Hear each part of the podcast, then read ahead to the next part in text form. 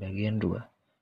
Berpikir positif akan membentuk manusia menjadi tidak mudah putus asa dan lebih tegar dalam menghadapi permasalahan hidupnya.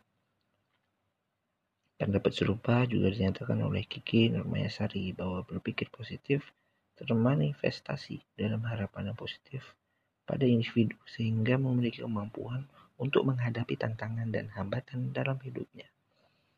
Orang dengan pikiran positif akan senantiasa memiliki rasa toleransi, empati, dan juga pemaaf terhadap sesama.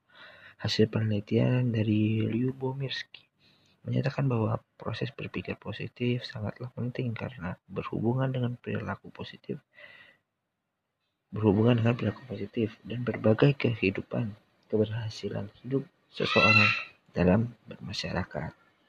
Orang yang berpikir positif berusaha memandang suatu masalah dari nilai positif serta mencoba mencari solusi yang lebih baik dan tidak melimpahkan kesalahan kepada orang lain. Berpikir positif akan menjadikan menjadikan individu lebih optimis menghadapi hidup dan memudahkannya untuk beraktivitas dengan baik.